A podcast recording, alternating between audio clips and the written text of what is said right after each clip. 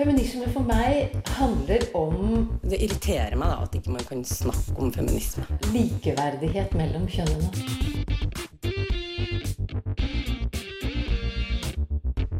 Det blikket på kvinnen på film. handlet det om å bli tatt på alvor som jente. Du hører på Et eget rom på Radio Nova. Barbera eller ikke barbera? For mange et lett valg å ta, men hvor mye valgfrihet har man egentlig? Og nå ble det en ting at kroppsåret skulle vekk. I dag diskuterer vi kroppsår.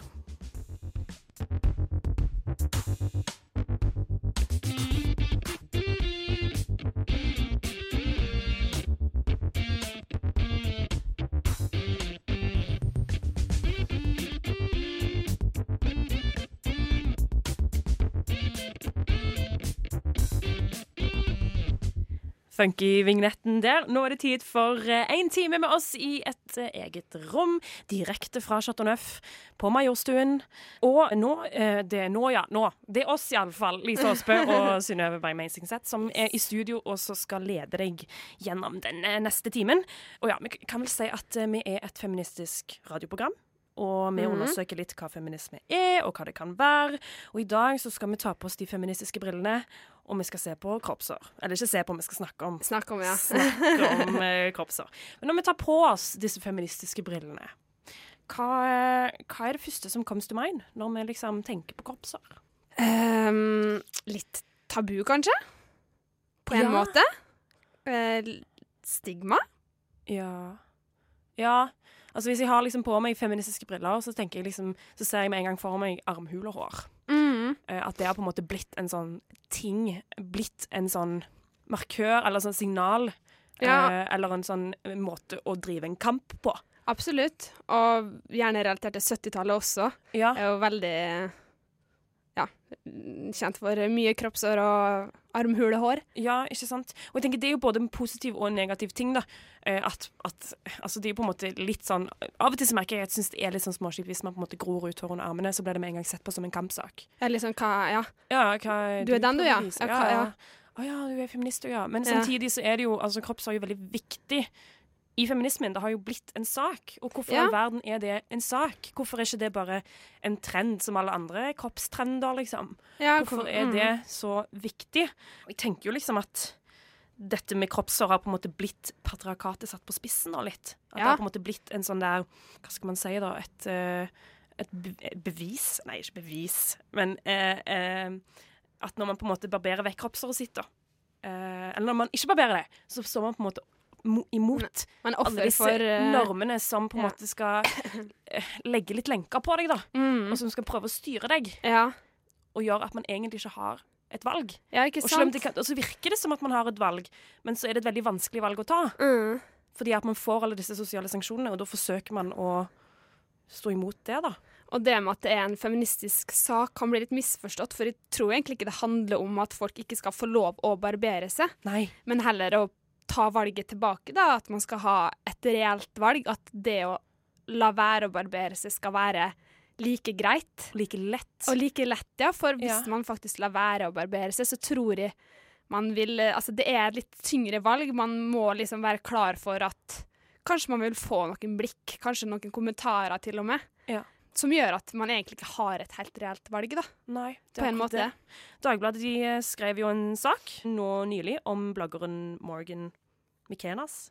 Ja, Ja. jeg tror det er sånn det sies. Og fitnessblogger, faktisk. Ja, og hun barberer seg ikke. Eh, og det ble, da, det ble da til nyhetssak Ja. i Dagbladet. Shock Eh, breaking news. uh, wow, se kroppsår på ei dame. Eh, og vinklinga liksom er veldig sånn med overskrifter sånn der 'Kjæresten min liker det'. Og det er jo liksom greit nok å trekke fram det i en artikkel, men eh, altså, det er jo veldig sånn det er akkurat som at noen har tenkt sånn der 'Å, jøye meg, han kjæresten liker det.' Ja, det var nå jammen meg godt, for det er jo det som betyr noe her. Mm. Ikke at Ikke liksom hva hun mener Mm. om sitt eget kroppsår og sin egen kropp, for det er jo viktig at kjæresten liker det. Mm. For, tross- altså, det liksom, for kroppen hennes er jo til for kjæresten. Nei, men, ja, men altså Jo, men det blir jo litt sånn. Og det er jo på en måte det som er overskrift også. Kjæresten min syns det er greit. Ja. Eller kjæresten min syns det er fint uansett. Ja, ikke sant? Men så er det sånn at eh, Dagbladet de delte den artikkelen, og så skrev de sånn Hva syns du?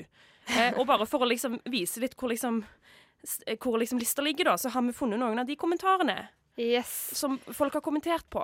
Bare Ja. sånn Dagbladet spør jo sine lesere hva syns dere om denne kropp, Hva syns dere om denne kroppen her. Ja. Spør dem egentlig. Det er jo egentlig det de gjør. Og jeg har funnet ja, fire kommentarer, alle av menn, hvis det skal være av interesse. Eh, en som skriver Ser for jævlig ut, rett og slett. Hvorfor er det plutselig feil at kvinner er feminine og vakre og gjør seg lekre og tiltrekkende overfor menn? At, at kvinne er flott og attraktiv, betyr ikke at hun er et objekt uten intelligens, slik enkelte radikale gruppe, grupperinger kanskje måtte hevde og tro. Ja. Så har du en stakkars da, som mister matlysten, som skriver at noen liker poteter, andre liker tomater. Uff, kjenner jeg må drøye litt med å spise frokosten. Mm. Uff, stakkars. Ja. Mm. ja. Mm. Neste. Neste. Dette er tre ting. Det er stygt, det er stygt, og det er stygt. Ja. Ferdig snakka. Yes. Mhm. Fytte grisen. Kjæresten, er han villmann fra Farmen, eller? Skjegg er jo rene bakteriebomber, og hår på dotten lukter garantert piss. OK. Vet du Så hva? hun ble Eh, tatt godt imot. dere skal få tenke litt på de kommentarene, kommentarene der. Men eh, Nova Fest gikk av stabelen eh, denne denne helga, og på fredag så var det duka for tre konserter på Dansens Hus. Og der så jeg Svankropp, og de blåste seriøst hodet av meg. Eh, og derfor så skal vi spille disse nå. Her får du Life Craze. feminist, a person who believes in the social, political, and economic equality of the sexes. Eget rom. Et eget rom. Et Eget rom. Et eget rom. Et eget rom. Nei, men altså, tingen er da at eh, Linda Rosenberg hun bestemte seg den eh, 30. desember 2016. Så bestemte hun seg for å fjerne alt kropps... Eller fjerne armhule... Nei, altså la armhulehåret sitt gå ut! Ja, slutte å fjerne det. min. Eh, slutt å fjerne det. Mm. Altså, nå skal vi høre da hvordan hun har opplevd det. Jeg har, helt siden jeg begynte å få hår eh, under armene, så har jeg barbert det bort. Uten at jeg egentlig har vært bevisst på hvorfor jeg har gjort det. Det har vært sånn ren vane, automatikk. Og selv om jeg på vinteren har latt det gå lengre tid mellom hver gang, så tror jeg faktisk ikke at det har gått særlig mye lenger enn fire uker mellom hver barbering. Og det høres kanskje litt banalt ut, men jeg innså helt plutselig at jeg vet ikke hvordan det er å ha hår under armene. Eh, Jeg vet ikke hvordan det er å se seg selv med masse hår. Eh, Og hvordan det føles, om det er ekkelt, om det er flaut. Jeg vet ikke engang hvordan håret mitt ser ut under armene når det ikke er stivt og kort. I dag så er det seks uker siden jeg begynte å eh, spare i gåseøyne. Og foreløpig så er det jo fremdeles ganske kort. Selv om jeg sjøl føler at det er skikkelig synlig. Og jeg vet at det kan diskuteres, fordi det er jo egentlig ganske lite. Men det føles veldig synlig. Ehm, og det er ikke så veldig flaut foreløpig. Det er ehm, Jeg er faktisk mer fascinert. Og noe av det litt morsomme, kanskje, er at jeg føler meg veldig maskulin. På en litt sånn tøff måte. Jeg føler meg på en måte litt sånn ekstra tøff. Eh, og tror kanskje at jeg litt sånn ubevisst kjenner litt på denne stereotypien med sånne radikale feminister som ikke barberer seg av protest. Jeg tror faktisk at jeg føler meg litt Jeg føler meg litt tøffere enn enn det jeg gjør til vanlig. Men så er det jo Det er februar, um, og det er jo ingen andre enn meg selv som kan se at jeg begynner å få hår under armene. Tror kanskje det hadde vært litt mer flaut om det var sommer. Um, eller hvis jeg hadde på klær som gjorde at hvem som helst kunne se at jeg ikke har barbert meg under armene på seks uker. I dag så er det 6. mars, så det er mer enn to måneder siden Eller det er to måneder med sparing. Og um, ja, det er ikke så veldig tøft lenger. Um, det er bare blitt mer vanlig. Og nå, er det blitt, nå kan jeg si at det har blitt tidlig at jeg ikke har barmert meg på mer enn to måneder. Eh, Det er ikke lenger bare en følelse, selv om det sikkert er noen som vil eh, krangle på det fremdeles. Men jeg tror aldri jeg har hatt så god kjennskap til mitt eget armhulehår, og det er litt merkelig. Eh, Og nå begynner det å bli ganske mykt, for det begynner å bli Det er ikke, så, det er ikke stivt lenger, fordi det er blitt såpass langt. Og det er jo også noe som har fascinert meg voldsomt. At det er litt overraskende at mitt armhulehår kan være mykt. Eh, det burde jo egentlig si seg selv at selvfølgelig så er det også mykt. Eh, så det er Det er nesten en opplevelse som jeg er litt sånn flau over, egentlig. At jeg ble litt tatt på senga av akkurat det. Jeg syns egentlig ikke det er så veldig flaut å ha hår under armene. Men jeg tenker likevel mer på det nå enn for bare noen få uker siden. Og jeg tror at det noen dager helt sånn ubevisst påvirker hvordan jeg, eller hva jeg har på meg av klær. For det har hendt noen få ganger hvor jeg har tatt meg selv i å tenke at jeg kan ikke ha på den fordi at da kan folk se at jeg ikke har barbert meg. Så jeg er nok litt sånn ubevisst flau over at jeg har hår under armene. I hvert fall sånn innimellom. Eh, Men jeg er mer flau over meg selv fordi jeg lar meg påvirke. Eh, Og to måneder er, det er ikke så mye hår.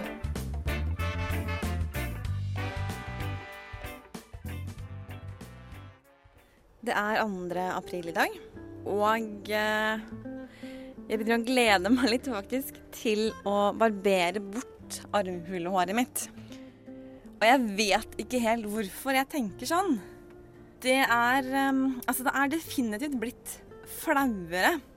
Og jeg tar meg selv oftere i å tenke på at jeg lar håret påvirke hva jeg har på meg. Og hadde det vært sommer nå, så tror jeg ikke at jeg hadde vært særlig komfortabel med så mye hår under armene. For nå er det så langt at jeg kan ta skikkelig tak i eh, armhulehåret mitt. Men så har det også blitt en vane, egentlig. Det bare er der.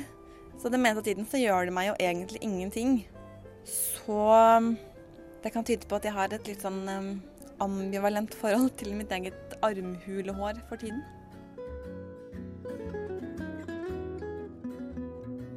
I dag så er det 23. april, og jeg har sluttet, tror jeg, i hvert fall bevisst, å tenke på at jeg skal barbere bort håret igjen. Eh, Men jeg har en veldig tidlig fornemmelse av at det blir tatt bort når eh, sommeren kommer. Men så tenker jeg litt sånn at eh, det gjør liksom ikke så mye. Jeg føler ikke at det er et tap at jeg skal barbere bort håret igjen. Fordi nå vet jeg faktisk mer om min egen reaksjon på det å la armhulehåret gro. Og jeg er ganske sikker på at jeg kommer til å spare på nytt. En gang, helt sikkert allerede til høsten. Eh, neste år. Kanskje til og med på sommeren. Akkurat nå så har jeg vurdert å spare i noen ekstra uker.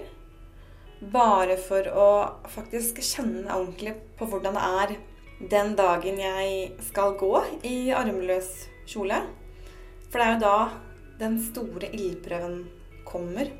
Jeg innser påsken at denne litt sånn vekselvis vekselsvis ubevisste og bevisste redselen for at andre skal se at jeg har hår under armene, det var egentlig ikke noe jeg brydde meg om når det bare var familien som kunne se det.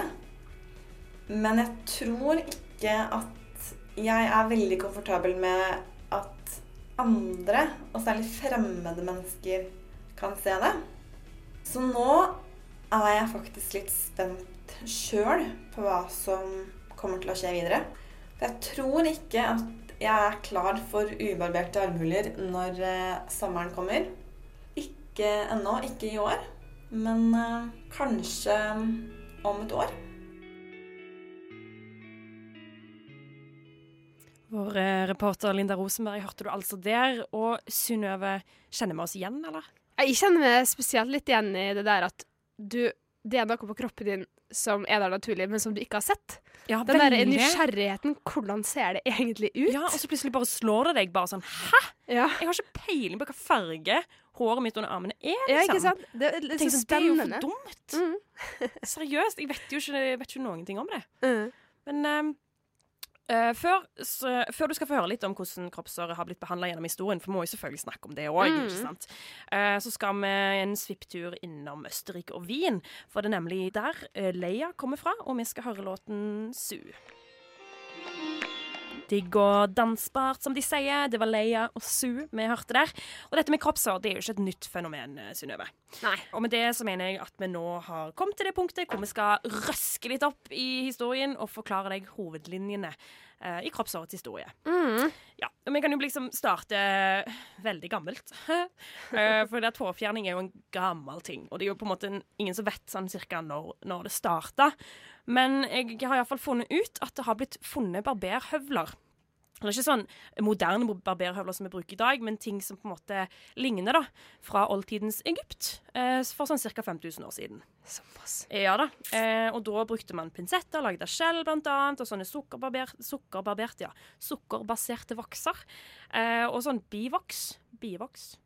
Ja, beeswax, sto det i artikkelen. Fra Ja, at de har funnet ut at dette her ble brukt for å fjerne hår. Ja. Og altså, egyptisk kunst viste jo òg damer med på en måte skjønnser i på en måte sånne former, sånn triangler og sånn.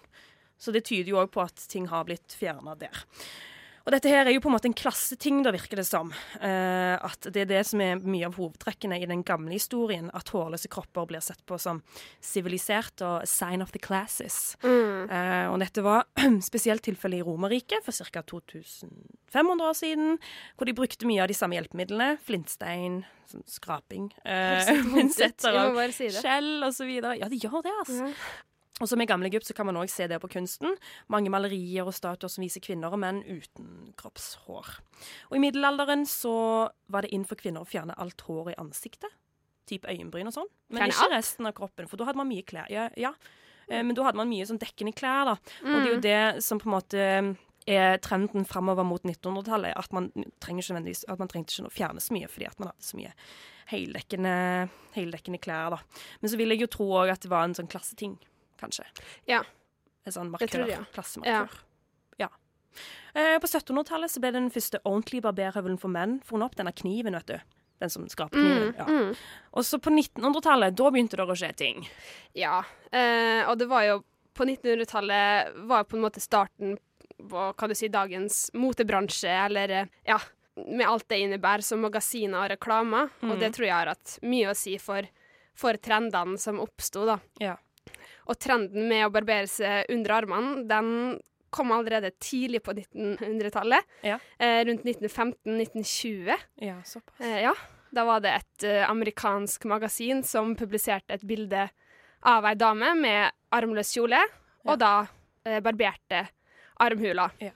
Det virker som det er det som på en måte går igjen, at når på en måte skjørtelengder kryper oppover Det er akkurat det. Um, Det følger så- på en måte motetrenden.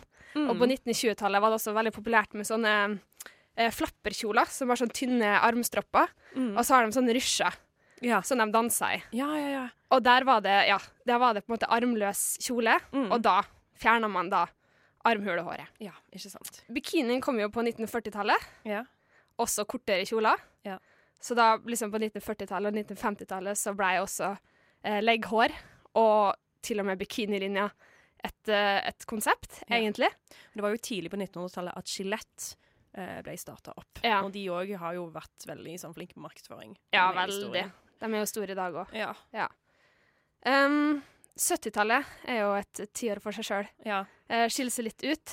De gjør det, altså. Ja. Ja. Da ble på en måte det man kaller full bush, ble hot igjen. ja. om man kan si det sånn. Eh, og på 80- og 90-tallet så starta den trenden med For nå er jo allerede armhulehåret er fjerna, legghåra er fjerna. Ja. Bikinilinja har kanskje blitt tatt litt. Og armer. Eh, ja, litt også, iallfall i ar- ja. USA, da. Ja. Mm, og selvfølgelig øyenbryn og sånn. Ja. Eh, men det å på en måte barbere seg fullt og helt nedentil ble ikke vanlig før på 80-90-tallet. Jeg vet ikke helt om det var helt vanlig da heller. Jeg tror det eksploderte litt på 2000-tallet. Ja. Um, men det som sies, er jo at etter en Sex and the City-episode der Carrie, hovedkarakteren, tar Brazilian wax, Ja. var et slags vendepunkt. Da Ja. Da ble jeg sånn Wow, går det an? Ja. Oi, så fresht, liksom. ja, ja, ikke sant. Mens i dag så viser jo tall at i hvert fall av norske, og jeg tror de fleste vestlige kvinner glattbarberer seg nedentil. Jo yngre, jo flere. Ja. Ja.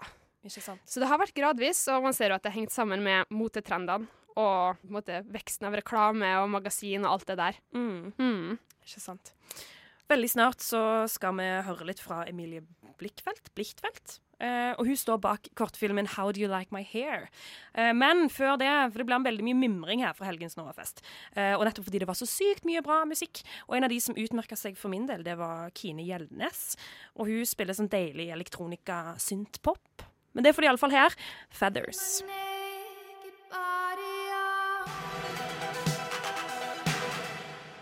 Du hørte fine feathers der av Kine Gjeldnes her i et eget rom på Radio Nova. Og eh, Emilie Blikkfeldt hun tok et valg om å slutte å retusjere kroppen sin, og det var da hun slutta å barbere seg. Og siden det så har hun blitt en eh, talsperson mot fjerning av eh, kroppsår, og annet gitt ut kortfilmen How Do You Like My Hair i 2013. Eh, og Anne Marie hun har eh, snakka litt med hun om hvorfor kvinner gjør det, hva som er problemet med det, og hva vi kan gjøre for å endre normene vi har i dag. Hvorfor tror du at kvinner tenker at det er det glattbarberte, polerte som er det rette? Den kvinnelige normen kommer jo ut av at kvinner før for bare litt over 100 år siden ikke eide seg sjøl og sin egen kropp. Og det man eh, overlevde på, var at en mann med penger skulle velge deg til å bli sin kone. Altså det, er det, det er jo det kvinnelighet er fundamentert i. Altså jeg mener at kjønn ikke er noe vi blir født som, men det er noe vi blir født inn til. Altså den tradisjonen tradisjon vi blir født inn i. Og hvor eh, bl.a. en del utseendeidealer er, er norm. Da. Vi blir jo um, bombardert med bilder av uh, glattbarberte kropper, av uh, kvinnelige kroppsideal. Jeg mener jo også at hvis man klarer å få kvinner til å eh, legge verdien sin og fokuset sitt på utseende, så eh, har vi jo ikke like mye tid og kapasitet til å eh, faktisk eh, utøve kvinnekamp. Det er jo også litt sånn diskusjon om kvinner gjør det for å på en måte tilfredsstille partneren. da.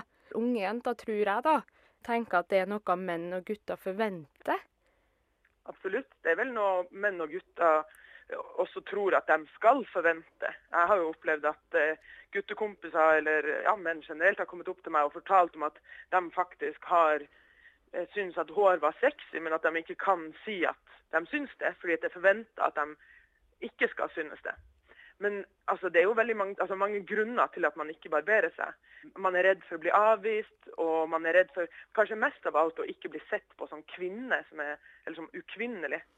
Og det er jo en del av det å, å gjøre kjønn til noe veldig snevert som du må passe inn i. Da har du jo folk under kontroll på en eller annen måte. Man tenker kanskje at det er mange som skeiver seg fordi det er det de vil sjøl. Men det er ikke Emilie helt enig i. Mange vil jo også si at de gjør det fordi at de liker det, og fordi at de syns det er digg, og det er deres eget frie, upåvirka valg, liksom. Men jeg mener at vi lever ikke i et vakuum. Det er ikke sånn at jeg er en øy og ikke blir påvirka av noen andre. Det er greit nok at folk kan synes det er digg, men hvis du sier til dem nå får du ikke barbere deg på seks måneder, så er ikke det første de sier ja, men å, så synd, for jeg synes det er så digg. Den første tanken som kommer til deg, er jo oi, shit, kan jeg da vise meg offentlig? Hva kommer folk til å tro? Så da vil jo jeg påstå at den rådende grunnen til at uh, man barberer seg, er en underliggende skam. Eh, og da kan man jo spørre seg sjøl er det et fritt, upåvirka, rasjonelt valg? Altså, hvor, hvor har man de ideene fra? Mitt håp er jo at eh, det en dag er like mange kvinner som ikke barberer seg, som barberer seg. Fordi da mener jeg at det blir et fritt valg. Altså fordi at da er det ingen av dem som har sosial stigma rundt seg. Da er det bare OK, du, du barberer deg ikke. Fett. Du barberer deg. Fett. Så kanskje den gang så vil jeg velge å barbere meg. Man skulle kanskje tro at valget ble mer fritt når man blir eldre, men Emilie forklarer at det her ikke er noe som endrer seg over tid. Idet du som elleveåring begynner å barbere deg og begynner å skamme deg, begynner å objektivisere deg selv, og det er gjort en del forskning på selvobjektivisering, ser hvordan de både blir rett og slett fysisk hemma av sin egen selvobjektivisering. De kan ikke uttrykke seg like fritt, fordi at da kan de plutselig komme utenfor ideen om den, det objektet de vil prøve å se ut som. da. Og i Norge i dag så bruker jenter mer tid på sminke enn de gjør på lesing og lekser til sammen. Så det er jo, er jo et, eh, et, kjempeproblem. Men jeg mener jo at det også fortsetter når vi blir eldre. Fordi at hvis vi allerede som elleveåringer begynner å liksom lære oss at vi må lide for skjønnheten, og skjønnheten når vi kjøper oss, det sier vi jo indirekte i bruk av ordet, skjønnhetsprodukter. Og Når du da begynner det prosjektet som elleveåring, så fortsetter du å legge din verdi og investere i utseendet. Og det blir et enda større fall da, å gå bort fra det senere i livet. Etter vi hadde blitt enige om hva som er problematisk med den barberingskulturen vi har i dag, så spurte jeg henne om hva hun synes om at man skal la håret vokse for å være en god feminist. Altså, Jeg vil ikke begynne å uttale meg om hvem som er gode feminister eller ikke, men jeg kan jo si noe om hva som jeg mener er feministiske handlinger eller ikke. Eh, jeg mener at selv om du er kvinne, så kan du gjøre eh, handlinger som ikke er feministiske. Jeg vil ikke si at det er feministisk å barbere seg. Det å bruke rød leppestift f.eks. er ikke en feministisk handling. Den er ikke antifeministisk, men den er ikke feministisk. Så å, å, være feminist eller ikke, jeg mener jo at det viktigste er å gjøre feministiske ting. Altså Hvis du bare sier at jeg i likestilling er feminist, men ikke forandrer noe av eh, dine handlinger for å skape mer frihet for resten av kvinner rundt deg, så er du kanskje ikke så feminist. Da ligger det kanskje mer i hodet ditt enn i handlingene dine. Det neste spørsmålet blir jo da selvfølgelig hva er det vi skal gjøre for å forbedre den situasjonen vi har i dag? Hvis vi tenker kun på denne setninga om at unge kvinner i dag bruker mer tid på sminke enn de gjør på lesing og lekser til sammen. Mm. Og samtidig så har vi masse mange flere depresjoner, eh, dårlig selvfølelse og selvobjektivisering. Og samtidig så prøver vi å jobbe for likelønn, vi prøver å jobbe for slutt på vold mot kvinner osv. Jeg mener at alt det her henger sammen. Og jeg mener også at hvis vi tør å gå bort ifra å se så jævla bra ut hele tiden Hvis vi slutter å legge verdien vår i hvordan vi ser ut, og flytte den til hva vi produserer, av meninger, holdninger, handlinger, så vil de andre kampene bli lettere. Da tror jeg at vi kan komme mye lenger. Og spesielt også hvis vi klarer å kommunisere det til de unge jentene. Vi klager eh, masse på eh, reklameindustrien, på utseendeindustrien, om at de får oss til å føle oss dårlige. Samtidig som vi klager på det, så fortsetter vi å kjøpe produktene deres. Så jeg mener jo at hvis du faktisk er imot eh, utseendepresset og, og syns at eh, utseendeindustrien er noen jævla, da må du jo slutte å kjøpe produktene deres. Ellers så betaler du for dine egne lenker. Jeg vil egentlig bare komme med en siste oppfordring, som er at vet du hva, sommerkroppen den er veldig lett å oppnå. Fordi at eh, akkurat nå er kroppen min her, og sommeren er rett der ute. Så bare gå ut, så har du sommerkroppen. Og reporter der var Ann Marie Synne. Og nå skal vi servere enda en godbit fra Novafest, nemlig låta 'Winter Sun' av Elida Høgalmund. Fine Winter Sun fikk du der av Elida Høgalmen. Eh, og du hører på Radio Nova. Og her i et eget rom i dag så snakker vi litt rundt temaet kroppshår. Og foreløpig så har vi jo bare snakka om kvinners kroppshår. Men det er jo ikke bare damer som har kroppshår, det er jo også menn. Og sånn historisk så ser det ut som at det er skjegg som har vært den store greia, og som har variert. Vi finner veldig lite om sånn eh, tidslinjer når det kommer til liksom, menns kroppshår og sånn. Det er veldig mye, for, veldig mye, for, damer, men veldig lite for menn. Kanskje det har vært ganske stabilt? Ja, type, ja, jeg vil tro det, altså. Ja. Eventuelt at det har variert samtidig som kvinners kroppshår med tanke på dette med klasse. Ja, at det har sånn vært en klasseindikør, ja. Ja, men altså, mm. altså kroppshår på menn har jo alltid blitt sett på som en sånn veldig sterk kjønnsmarkør, at det er veldig maskulint. Ja. Og maskulint er jo bra, liksom. Og det er jo derfor det ikke er bra at kvinner har det, ikke sant? Fordi at det er maskulint. Ja, ikke sant. Mm. Um, så jeg fant ganske mye på skjegg. Eh, og det er egentlig ganske interessant, for i oldtiden, typ sånn gamle Egypt, romertiden og sånn som det, eh, så var skjegg et tegn på ære. Og det, det ble bare fjerna som straff, hvis, hvis noen hadde gjort noe drit, liksom. Men så, et par hundre år før vår tidsregning, eh, så ble det bestemt av Alexander den store at soldater ikke skulle ha skjegg. Bare en så liten fun fact. Fordi man, altså, eh, han frykta at det å dra folk i skjegg under krig kunne være et våpen. Ja, ikke sant? For da har du det òg. Mm. Og siden det så har det gått ganske mye fram og tilbake. I middelalderen så var det å ta på en fremmed mann sitt skjegg sett på som sykt frekt. Dra i Eh, skjegget ja, kunne man havne i slåsskamp for det. Og Abraham Lincoln eh, gjorde skjegg populært igjen i USA på 1800-tallet. For da hadde du vært litt ut, og så kom det inn igjen da med, med han. Og så har det jo gått fram og tilbake siden det. Men altså i vår tid så virker det jo som at på på 2000-tallet og kanskje litt på 90-tallet så ble det sykt inn å barbere bort skjegget, og gjerne òg resten av kroppshåret òg. Da tenker jeg eh, liksom framveksten av denne metroseksuelle mannen. Altså En metroseksuell mann er en mann som har tar til seg sine eh, tar til seg feminine sider, og som tør å vise det med interesse, og gjerne opptatt av mot og sånn som det. Mm. Og det er jo liksom sykt teit uttrykk, egentlig, for det har jo virkelig ingenting med seksualitet å gjøre overhodet, liksom. Men ja. Og nå kommer vel altså menns kjønnshår. Det kommer jo òg inn her. For jeg tenker kanskje det er litt mer utbredt å fjerne enn hår på armer og bein og bryst. Ja, jeg føler, altså Inntrykket mitt er jo at det fortsatt er populært med menn med skjegg. Mm. Eh, I hvert fall i sånn hipsterkultur og sånn er jo det kjempekult. Ja. Men en eh, undersøkelse som er, undersøkelse som er gjort på omtrent 1050 norske menn, viser at eh, av menn under 35 år så velger 68% å barbere seg nedentil. Altså ta bort, fjerne kjønnshåret sitt. Ja, OK.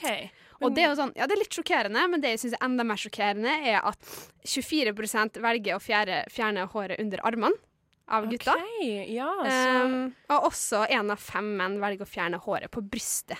Ja. Og det her er nye tall, da, så Mm. det, det vitner kanskje om en økende trend. ja. At også mannen skal være glattbarbert. Ja. Det spørs jo da om det på en måte er et stort press. Om man får Mhm. sosiale sanksjoner for det, da. Det er jo vanskelig å si. Ja, kanskje det er heller sosiale sanksjoner ved å fjerne det, enn å ha det. Jeg Ja, ikke. Jeg vet ikke. Hm. Fordi at da, da fjerner man jo det som anses som, som maskulint og mandig. Ja, ja, ikke sant? Mm. Men hvorfor barberer de vekk det, det altså, kjønnshåret, liksom? Hva er det de Altså, er det det mange sier, er jo at de mm, tror det, altså de gjør det av hygieniske årsaker. Ja. Og da kommer vi jo litt inn på det med myteknusing? For det tenkte Ja. vi òg vi skulle gjøre. Ja, ikke sant? Hva er sant, og hva er ikke sant? Ja. Da har vi noen, eh, et par-tre som vi har lyst til å knuse her og nå. Eh, og det er jo det, nettopp, med at det er uhygienisk. At Ja. er kjønnsår uhygienisk? Ja, ikke sant. Og da er jo kilder viktig, og vi har tatt uh, for oss boka 'Gleden med skjeden', Mm. eh, og sett litt på hva er fakta. Mm. Eh, for det er mange som sier at det er mer hygienisk å barbere seg, Nei. noe som jo ikke Nei, det er stemmer. sant. Nei, det er jo egentlig altså sånn, altså sånn Helt sånn klinisk sett så er det jo egentlig ikke det. Nei, Man kan få følelsen av at man er rein, Ja, men man er rein, altså, man er jo Så lenge man vasker seg, så er det akkurat det samme om du har kjønnshår eller ikke. Ja, og så øker også sannsynligheten for sopp og infeksjon og andre sykdommer hvis du fjerner håret, for det er en viss beskyttelse. beskyttelse. Man Mm. beskytter på en måte kroppen sin ved å ha hår, da. Ja, ikke sant. Og så er det jo òg den der med at håret går raskere og blir tjukkere hvis du barberer deg ofte. Ja, det er en sånn frykt mange har at åh, nå har Ja. jeg først begynt å barbere, så hvis jeg lar det gro ut igjen, blir det en stor gigantisk busk her som kommer til å vokse nedover lårene mine. Ja, eller jeg begynte å nappe barten min når jeg var så ung, så nå er han blitt veldig stor og sterk. Ja. Men uh, fakta er jo at man er født med en viss mengde hårsekker, og de er der for resten av livet. De kan du ikke endre på. Det er genetisk betinga. Ikke sant. Men, så, men mm. altså, en sånn positiv ting som har skjedd med For nå ble det veldig mye sånn uh, pro la håret være igjen. Ja. Men det som er på en måte bra, da, en liten sånn fun fact med at man gjerne har begynt å barbere seg mye, det er jo at flatlusen er nesten utrydda. Ja, det er jo bra. Ja, så det er Mm. veldig fint. Så uh, nå skal vi høre litt uh, musikk her, for vi skal høre Hvitmalt gjerde fra Bergen med Våken nå. Hvitmalt gjerde fikk du der med Våken nå, her i et eget rom på Radio Nova. Så nå har vi snakka om kroppshår i snart ca. en time. Mm. Eh, og det må jo egentlig bare sies at vi vil jo ikke legge noen føringer for hva liksom akkurat du skal gjøre med det kroppshåret ditt. Nei. Fordi at det er jo Ja, det er veldig vanskelig, for det er veldig lett, på, lett å bli liksom sett på som Eller føle seg som en dårlig feminist hvis du barberer deg. Ja, altså veldig lett å si. Slutt å barbere, ikke altså stå imot, men det er ikke alltid så lett å ta den kampen og være den som, som Nei. sier nei, det her vil ikke være en del av, vi slutter. Ja, fordi vi lever jo faktisk i det samfunnet at du får jo litt sosiale sanksjoner hvis du Altså, det er jo ikke et lett valg å ta, det må jeg allerede sagt. Um, og da er det liksom ikke alltid så lett å, å ta, og ja, som så du sier, å stå og gjøre det, liksom. Det viktigste er kanskje å, hvis du ser en, en kvinne med hår under armene, og ikke, for all del ikke kommentere det. Ikke, altså være god på den måten, da. Og, og heller si ja, så kult at du, at du tør å stå imot. Ja, nettopp. Det, det er akkurat det. Og så er det å Mm. gjerne tenke litt over hvorfor du barberer deg. Ja. Mm. Litt det vi har snakka om. Nettopp. Og så er det òg litt det med at um, at, at du må kanskje tenke litt over eh, liksom, Hvor skal dette begynne hen, da, på en måte? At man må vise man, Vi må se mer kroppsår ut i samfunnet. Mm. Vi må se det for å normalisere det. Og da må jo noen gjøre det. Mm. Og kanskje det er deg. på en måte. Kanskje det. Ja. Ja. Men hvis du skrudde nettopp på da, og hørte oss si akkurat det fine vi sa her nå, eller har lyst til å høre dette igjen, så finner du mer av oss på telefonen din, på podcast-appen din eller på Soundcloud. Og du finner oss òg på de meste sosiale medier.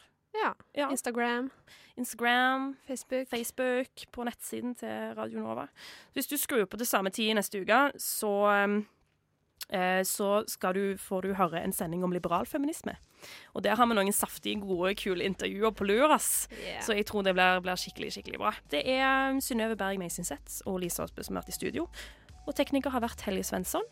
Um, og vi sier takk og farvel med litt sånn 80-talls syntpop. Ja. Ja, fra Moonbow. Say what you want me to say, får du her.